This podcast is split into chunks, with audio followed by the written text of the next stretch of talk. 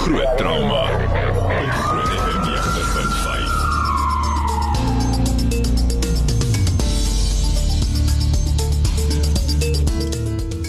Baie welkom by Groot Trauma op Groot FM 90.5. Ek is Pieter Kloete saam met my soos gewoonlik my mede-aanbieder Dr. Jaco van Niekerk. Jaco, baie welkom. Baie dankie Pieter, dankie aan almal wat luister ook. En dan 'n bietjie later uh, is ons gas ook Dr. Margery de Tooi en ons gaan onder baie lekker interessante onderwerp gesels vanaand so bly ingeskakel. Ons is ook op Facebook Live en op WhatsApp, so as jy enige vrae het vir ons kenners vanaand, onthou ons WhatsApp nommer is 061 610 4576. Onthou standaard tariewe geld. Jy kan ook lekker saamgesels op ons Facebook Live. En ons vraag vanaand aan jou is was jy al deel van 'n kliniese navorsing of was jy al deel van kliniese navorsing? Ons hoor graag van jou en gesels saam. Maar ons begin sommer net in die die program ehm um, julle weet dat dokter Jacques Koning is ook wel gereeld op die program Ja. en uh ek Jaco, ek weet nie of jy miskien net so 'n bietjie vlugtig wil gesels nie en, en net sê dat weet, ons dink aan sy familie en natuurlik aan hom ook. Ja, ek dink ehm um, Dr Koning was laas Vrydag aand in 'n motorfietsongeluk ehm um, met redelik ernstige beserings waar hy daar by by ons eenheid ehm um, gestabiliseer is en te oorgevlieg is na Johannesburg se hospitaal. Ehm um, en hy is besig om eintlik baie goed te vorder, maar hy het veelvuldige beserings, so ons dink aan sy familie en almal wat naby aan hom is en sy kollegas ook. Hmm. En ons hoop hy ehm um, hy herstel baie vinnig. Soos wat ek verneem, gaan dit eintlik baie goed. Hy meeste van sy chirurgie is al klaar en ehm um, hy vorder baie goed, so ons is baie bly daaroor. Dis wonderlik ons ons dink regtig aan hom. Ons uh, gaan net voor ons by ons hoofonderwerp vanaand kom. Ek dink kom ons gesels net 'n bietjie vlugtig want ek dis dit dis op almal se uh, se tonge, dis op al die nuusblaaie en dit gaan oor die koronavirus. Jy weet, die uh, moet ons worry in Suid-Afrika of nie? Dis waar ons nou gaan net gaan gesels. Net vinnig Jaco, wat is die koronavirus? Pieter, die koronavirus is eintlik 'n groep groep van virusse wat dan siekte kan veroorsaak in in soogdiere en en dan party van die voëls. Ehm um, ek sê dis 'n groep virusse en dis ook 'n groep siektes wat dit kan veroorsaak. Dit kan vir jou veroorsaak van 'n ligte verkoue tot dan nou die MERS wat almal van praat of Middle Eastern ehm um, jy, jy weet ehm um, respiratoriese sindroom. Ehm um, so dis 'n groep van virusse. Ek kan net sê, jy weet ek dink nie ons moet nou al slaaplose nagte hê oor die koronavirus nie en as jy nou loop neus het of 'n keelseer het, is dit ook waarskynlik nie die koronavirus nie. Ehm um, ek dink as 'n mens gaan dink aan die geskiedenis, die koronavirus groep is eers in die 1960s ontdek. Ehm um, die woord corona verwys na die of van die Latyn ehm um, kom van die woord wat wat heilou of of kroon be, uh, uh, you know bes, be, beskryf. En dis hoe hoe die virus onder 'n elektronmikroskoop lyk. So ehm um, dit is in die 1960s soos ek sê dan dan nou ehm um, beskryf en ehm um, inteendeel selfs in hoendertjies ehm um, dit het boonste lugweginfeksie in hoenders veroorsaak.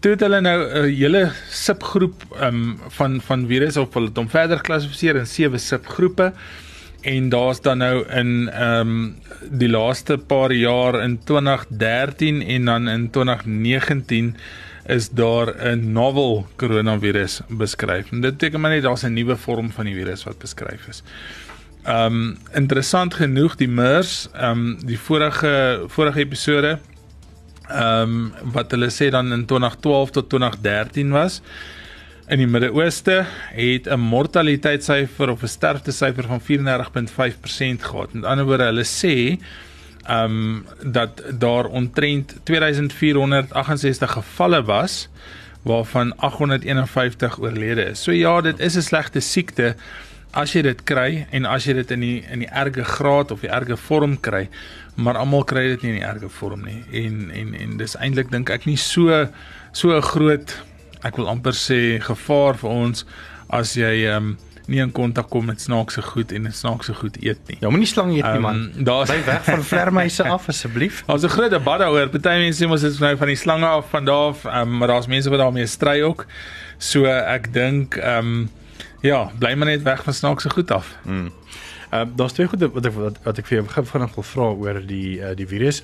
Um, is raak hy miskien ook 'n bietjie swakker want ek weet ons ons weet hy hy kan baie maklik oordra van mens tot mens. Ehm um, uh, deur wees mense met jou praat en dan speeksel wat wat deurkom, maar dit moet eintlik maar half 'n ligweg 'n virus is nie waar nie. Uh word hy swakker soos hy soos hy aan aangestuur word. Ek um, dink hy word swakker nie en as ek as ek reg is, um, ons doen baie keer veral vir kinders doen ons 'n multiplex PCR uh, toets wat wat dan nou 'n 'n depper is wat hulle so in die nasofarings insit en dan toets jy hierdie virusse.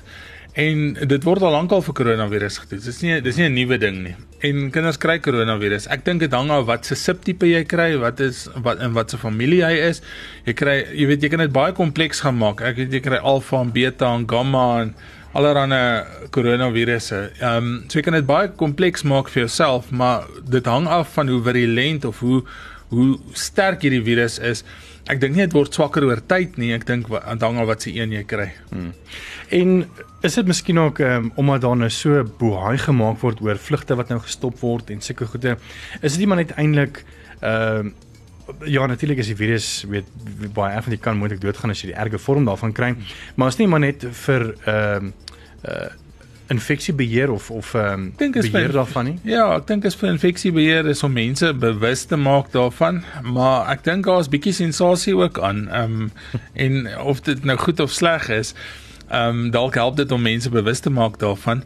Maar ek dink ehm um, dis meer bewusmaking. En intendeel dis dis my eintlik snaaks dat iemand nog nie 'n middel uitgebring het daarteen, jy weet, soos met die varkgriep ehm um, jy weet epidemie wat wat hulle vir ons 'n baie lekker middel gekry het nie wat ek nog steeds dink dalk ook 'n bietjie bietjie advertensie waarde het. Ehm um, maar die behandeling daarvan is simptomaties want daar's nie 'n vaksin of 'n of 'n behandelingsmodaliteit wat spesifiek vir die koronavirus daar is nie. Hmm. So ek dink die groot ding is om mense bewus te maak daarvan en om dit te probeer voorkom eerder as om as om die die pasiënte te behandel. En net 'n laaste vraag dan is nou afsluit met uh, met hierdie uh, hoe werk dit byvoorbeeld as jy nou 'n geval kry waar in jou hospitaal uh, van 'n virus wat wat wat nie baie ehm uh, of wat nie is wat jy miskien ook nie verstaan as 'n dokter of iets nie, moet jy dit dan aan die die raad mediese raad Ja, Pieter, ons het ons het ek, en ek ek neem aan al die hospitaalgroepe het dit. Maar ons het um, standaard vorms wat mense inkom wat dan 'n um, 'n reisgeskiedenis het wat hulle sekere vrae moet antwoord en daar sekere kriteria as hulle dan daaraan voldoen ehm um, dat hulle dan in isolasie ondersoek word ehm um, en dan in isolasie verpleeg word doktore dan vasgestel word wat presies met hulle met hulle fout is. Dis so dat as jy met koors inkom en hierdie non-spesifieke goed, jy weet almal het hoofpyn, almal se lyf is seer wat koors het, almal het keelseer, almal se neuse loop. Ehm um, so jy gaan nie weet wat 'n virus dit noodwendig is nie. En dan het mense maar algemene riglyne en algemene maatreëls eintlik om infeksiebeheer toe te pas en dis maar om hulle in isolasie te hou totdat hulle dan 'n ordentlike diagnose het. Hmm. Maar hoe rapporteer julle hierdie want ek meen byvoorbeeld ehm um, in ek meen hoe hoe het hulle agtergekom dat daar 'n eerste koronavirus is en dan van daar af het hulle nog 'n geval gehad in Japan ja. en so ehm um, is daar 'n sentrale database waar hierdie goed deurgestuur word? Daar is 'n sentrale database waar die goed deurgestuur word en hospitale het ook 'n stelsel waar as en daar's 'n lys van aanmeldbare siektes. As jy dan een van daai aanmeldbare siektes het, simpel voorbeeld, um, measles, um, Maar ek moes nou die dag vir waterpokkies se vorm invul. Malaria. Ehm um, die groot ding is jy jy moet dit aanmeld en daar is 'n sentrale database want statistiek is belangrik en mense kan mense kan so ook sien hoe hierdie siektes versprei deur die wêreld. So ja, ehm um, die oomblik wat jy 'n snaakse ding kry, dan gaan hy ergens gerapporteer word. Hmm. Definitief. Nou ja, as jy naweek niks het om te doen nie, baie interessante reeks uh, tans op Netflix is Pandemic wat jy gaan oor hierdie uh die verspreiding van van virusse reg oor die wêreld oor die eeue heen, weet want massa sterftes en die goeie nog baie interessant. Ek hoop hulle die antwoord want dit is baie keer baie moeilik. ja. Ons is selfs net nou 'n bietjie verder oor kliniese navorsing, so bly geskakel onthou ons Facebook live. En ons vraag aan jou is uh, was jy al 'n uh, deel van 'n uh, kliniese navorsing gewees? En ons sal graag van jou hoor. Jy kan ook vir ons 'n WhatsApp stuur by 061 610 4576 en onthou standaard tariewe geld en ons hoor graag van jou. Groot trauma. Groot FM 90.5.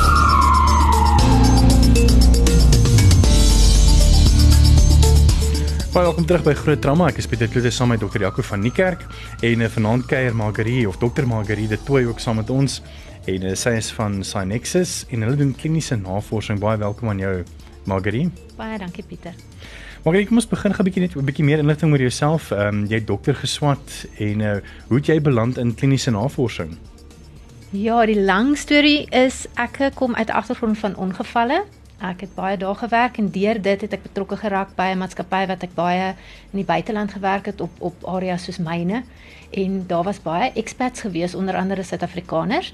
En eendag toe sê die een ou vir my, maar die manier hoe ek werk daar op die myn laat hom verskriklik dink aan sy skoonsussie wat um, in kliniese navorsing is.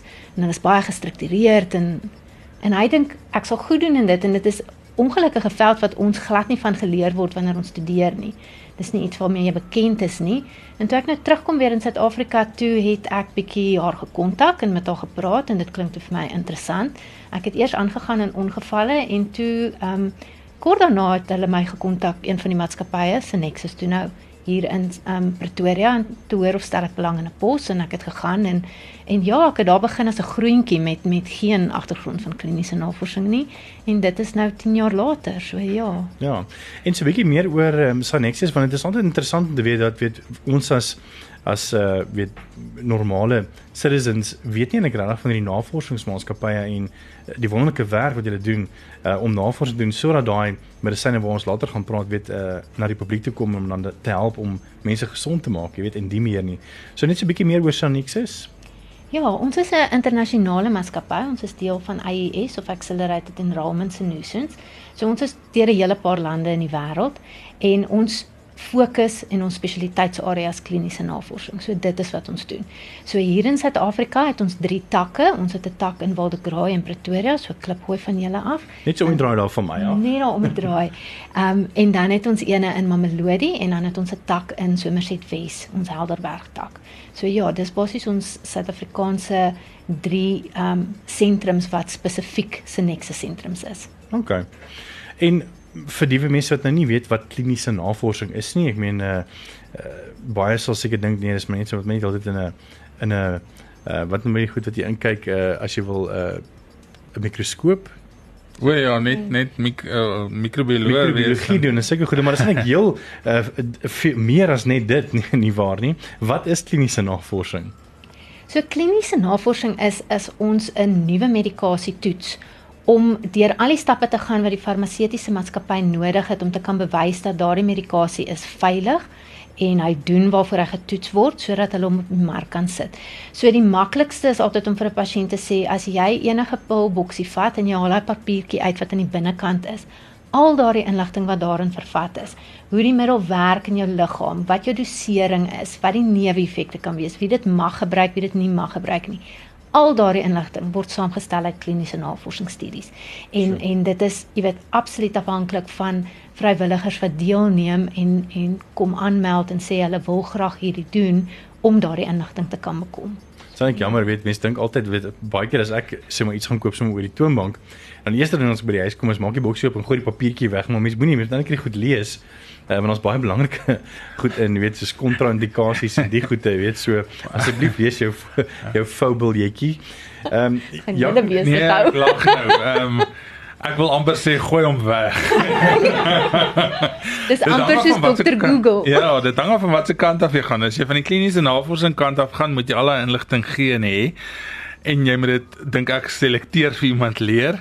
As jy aan ons kan sit van die van die spektrum dan ehm um, kry jy baie keer mense wat en ek ek bedoel dit nie lelik nie, maar jy kry mense wat met 'n uh, highlighter sit en vir jou highlight dit wat hulle het van daai papiertjie. En ongelukkig baie van daai goeters wat daar geskryf word, is een of twee mense wat dit kry, maar dan moet hulle dit daar skryf. Ehm um, waar waar jy weet ons sien dit baie keer dan lyk dit soos 'n baie algemene neeweffek want elke tweede ou het hom en dis nie altyd die waarheid nie. So mense moet dit met omsigtigheid ook lees. Hmm. ons gaan net so. Ons gaan net nou 'n bietjie verder gesels oor wat behels hierdie fases ehm um, van kliniese navorsing en die meer en dan eh, wil ons ook by jou hoor op ons Facebook live as jy al deel van 'n kliniese navorsing. Ons hoor graag van jou. Baie dankie aan Engela uh, wat al reeds 'n kommentaar gelewer het. Uh, Barry Bekes, uh, Dirk Smit en dan ook uh, ons het nou al twee WhatsApps wat deurgekom het. Ons gaan 'n bietjie later kyk na na van julle vrae en uh, dan 'n bietjie terugvoer gee. So saam met Dr. Jaco van die kerk en Dr. Margriet de Tooy, ons is net hier na weer terug waar ons gesels oor kliniese navorsing. Groot trauma. Groot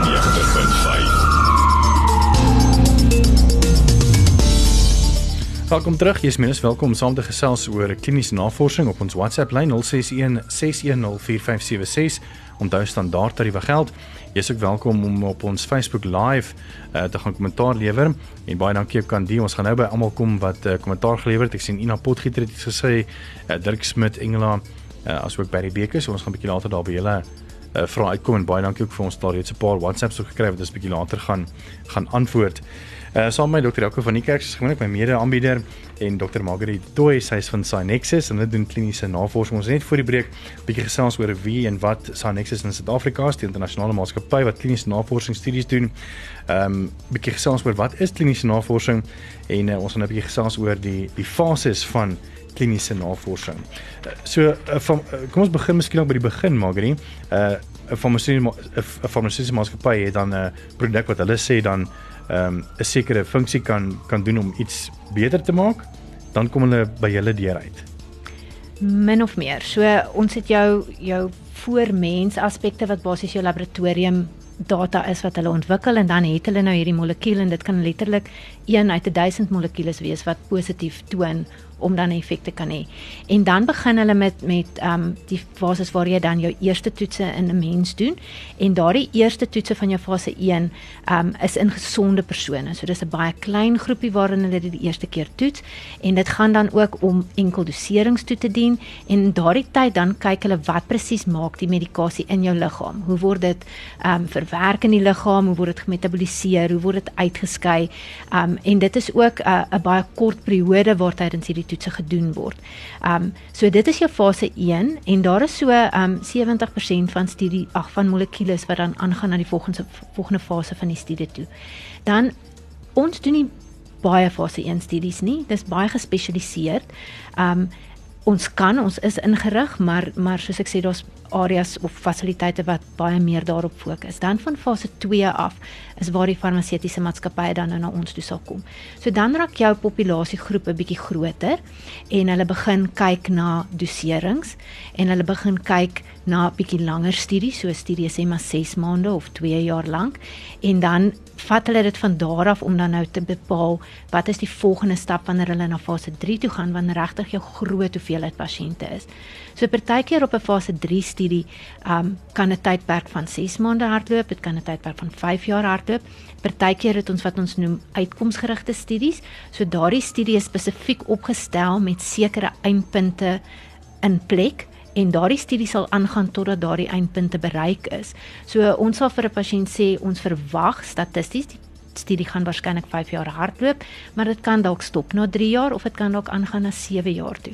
So hierdie fase kan baie lank vat. So as jy dan nou begin kyk na al die fases waardeur hierdie maatskappy nou geld en tyd in hierdie produk insit hmm. om dit ontwikkel te kry, dan maak dit sin oor hoekom medikasie ook baie duur is, want hierdie word deur al daardie gefinansier en partykeer is 'n maatskappy in daardie posisie waar hy nou al 'n fase 3 studie vir 5 of 6 of 7 jaar hardloop.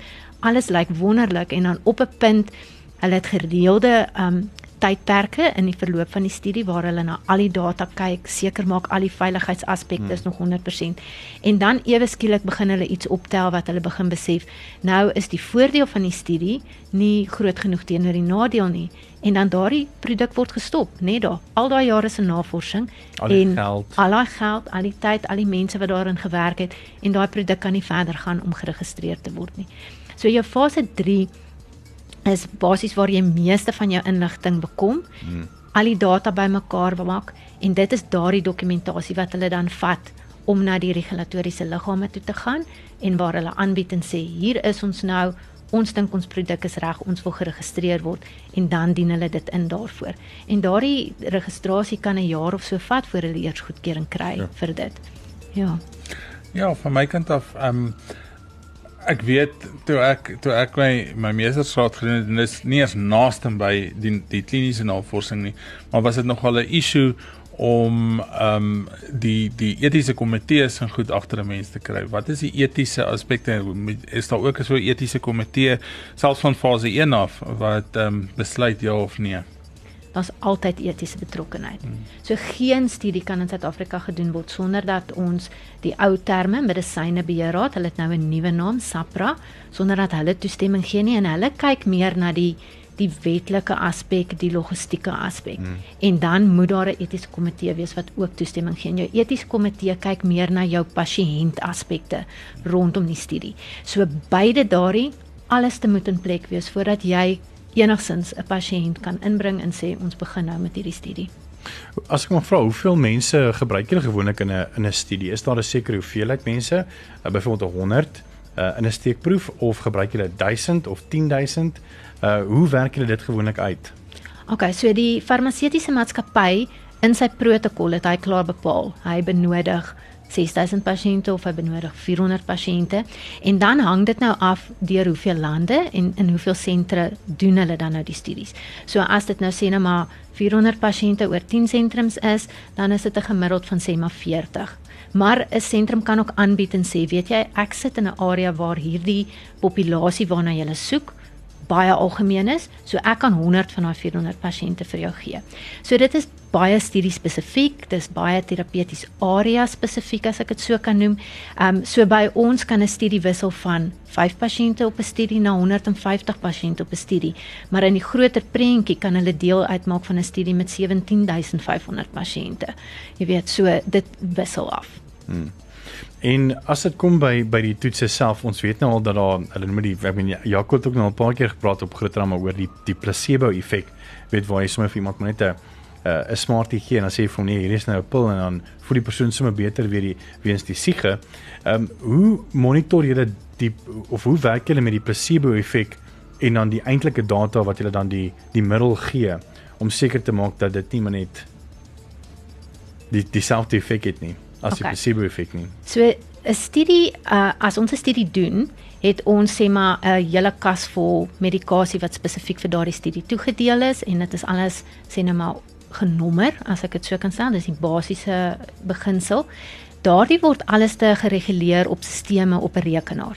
So as ek nou sê maar 100 pasiënte op my studie het en die protokol het gesê dat 'n toedeling is 1 tot 1 van 'n aktiewe produk wat ons nou toets wat die nuwe toetsproduk gaan wees teenoor placebo wat dan beteken daar is absoluut geen aktiewe bestanddeel daar binne in nie. Hy lyk presies soos die regte ding. So as dit 'n pilletjie is, lyk hulle dieselfde. As dit 'n inspuiting is, lyk dit dieselfde. Die boksie in die apteek lyk presies dieselfde. Niemand weet wat die pasiënt kry nie. So die pasiënt word wat ons noem gerandomiseer op 'n studie as hy dan deur al die kwalifika um, kwalifikasie kriteria gegaan het en dan bepaal daardie rekenaarprogram tot watter been die pasiënt toegedeel word. En as die pasiënt dan die placebo kry, gaan nie ek of die pasiënt dit weet nie, want meeste van ons studies is dubbelblinde studies. So dit beteken beide ons wat in die sentrum werk, die apteker, die dokter, die suster en die pasiënt het geen idee tot watter been hy is nie. Dis belangrik sodat pasiënte nie kan raai of aannames maak of ander goedjies in die agtergrond gaan aanpas omdat hulle so graag wil uitkom by die resultaat wat hulle dink hulle moet gee nie. So dit is verskriklik belangrik daarvoor. Daardie data, omdat ons nie weet ook wat die pasiënt kry nie, word ons data heeltemal objektief ingelees na die farmaseutiese maatskappye toe en dit word alles te as een verwerk deur hulle. So ons kan nie raai nie, ons pasiënte kan nie raai nie. En ek dink die die belangrike ding van dit van die pasiënt om te besef, hulle sit baie keer en dan lees hulle die toestemmingvorm en dan sê hulle Ja, maar hulle wil nou nie deelneem as hulle die placebo gaan kry nie. Nou ongelukkig gaan ons nie weet wat jy kry nie. Hmm. En die belang van die placebo is enorm in studies. Hmm. Mense dink hulle kry so half afskeep, maar dis glad nie die geval nie. Hulle is regtig ons kontrolegroep. So as ons nou twee groepe van 100 pasiënte elk het en in een groep begin mense nou skielik klaar van hoofpyn en glad nie in 'n ander groep nie ek weet nie in watter groep die pasiënt spesifiek is nie, maar die ouens bo ons wat die data verwerk weet.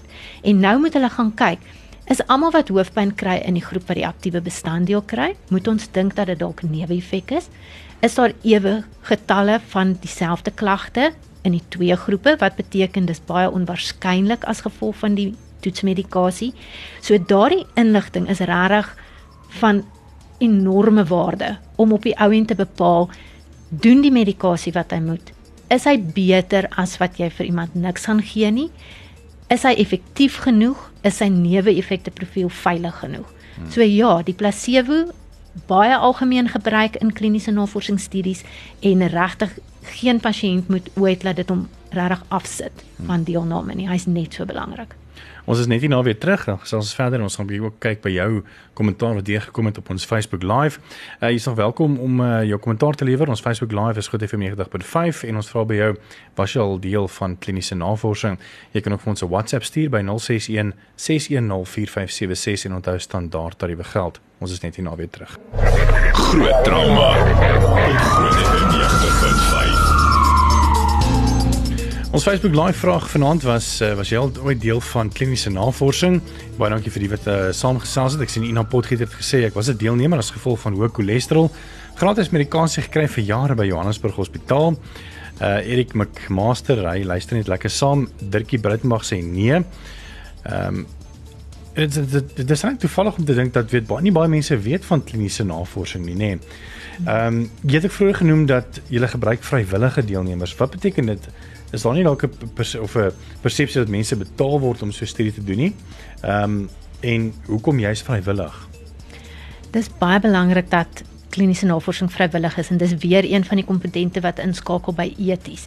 Omdat daar voorheen baie slegte wêreldwyd gevalle was hmm in verband met kliniese navorsing en mense misbruik is of mense nie ingelig is oor wat gebeur met hulle nie, is dit baie baie belangrik dat hulle vrywillig kom om deel te neem. So hulle moet 'n ingeligte besluit maak wat beteken ons gee ook vir 'n pasiënt 'n ingeligte toestemming dokument wat hulle lees vooraf en dit behels al die inligting wat tot op daardie punt van daardie medikasie beskikbaar is sodat hulle kan besluit, weet jy, ja, ek sien kansie voor, dit gaan vir my werk of nee, ek sien nie kansie voor nie. So pasiënte kry soveel inligting as wat ons vir hulle kan gee en dan sal hulle nog steeds ons sê maar dokter wat dink jy? Weet jy ek kan glad nie vir jou in die regte rigting wys nie want soos hulle nou in Engels wil sê dan coerce ek jou. En dit is een van die dinge waarteen ons skop. So pasiënte moet kom, hulle moet verstaan wat is die verantwoordelikheid daaraan verbonde, hulle moet verstaan wat is die implikasies daaraan verbonde. Hulle gaan nie betaal word om deel te neem aan die studie nie. Hulle word 'n uh, bietjie vergoed vir ongerief, maar dit is glad nie omdat jy kom om betaal te word nie. Dit kom regtig omdat jy dit wil doen uit jou eie uit, jou tyd gee vir watter rede. Party mense kom want hulle het 'n cholesteroltelling gehad wat baie hoog is en hulle kind van 9 het nou al 'n cholesteroltelling wat baie hoog is en hulle voel as hulle kan deelneem aan daai studie dan gee dit hulle kind 'n beter kans. Um ander ouens baie baie van ons pensionaars sê weet jy ek het nou tyd en dis vir my 'n manier om terug te gee aan die samelewing. So jy weet jy maak die besluit vir jouself ons gee jou al die inligting wat jy nodig het om daardie keuse te kan maak en dan vat ons dit van daar af. Hmm. En waar kan mense 'n bietjie meer uitvind oor dit? Ehm um, ek, ek ek weet jy dat jy gesels nou op Groot FM. Ehm uh, maar weet is daar 'n webblad waar mense 'n bietjie meer inligting kan kry? Hoe raak hulle deel van 'n studie? Hoe weet hulle wat se tipe van produkte en wat se tipe van navorsing benodig word? Ja, daar is 'n uh, webwerf waar al die studies wat in Suid-Afrika gebeur wel lys. Ehm um, maar dit is basies net dit is die studie by ons spesifiek as ons navorsingsentrum het ons ook 'n uh, webwerf waar toe pasiënte kan gaan om te gaan kyk. Dan adverteer ons gereeld want wat belangrik is om te verstaan, ons kan op 'n slag 20 studies doen, maar ons het waarskynlik net 3 of 4 van daardie studies wat oop is wat op daardie stadium pasiënte inneem. So wanneer daardie getal wat die in die protokol staan en wat deur die farmaseutiese maatskappy uh um, bepaal is bereik word wêreldwyd, dan sluit die studie. En dan maak hy klaar soos hy moet klaar maak, maar ons kan nie hier en daar nog 'n pasiënt insit wat wil laat bykom om deel te neem nie. So ons pasiënte kan na ons toe kom uit hulle eie uit. Hulle kom dan om deel te neem, om te kom um uitvind en dan as hulle kwalifiseer, dan is vorm hulle deur van daardie getal van die pasiënte wat dan aanhou op die studie en die studie klaarmaak. Ek sien uh, Junie sê dat daar oorlede manne deelgeneem aan 'n kliniese navorsing toe hy bloedklont in sy been gehad het en uh, sy sê die internis het voorgestel dat 'n man moet deelneem. Ehm uh, hulle is dan met elke besoek betaal vir brandstof. Ek dink dit is seker maar die die ongerief, die ongerief ja. Ja. Ehm um, ja. van suits. Ehm um, wat se algemene vrae oor die gereeld van van 'n uh, persone wat graag aan 'n studie wil deelneem? Is daar soos algemene vrae wat gewoonlik maar gevra word? Ja, op die op die punt van koste is baie keer is die eerste vraag is wat gaan dit my kos om deel te neem? En ek dink dit is belangrik dat mense vir pasiënte verduidelik dit kos jou niks nie. So, ehm um, Weereens, dis jou vrywillige tyd wat jy gee. Uh jy is vir ons 'n bate om te kom en te kom deelneem. So nee, dit kos jou niks nie.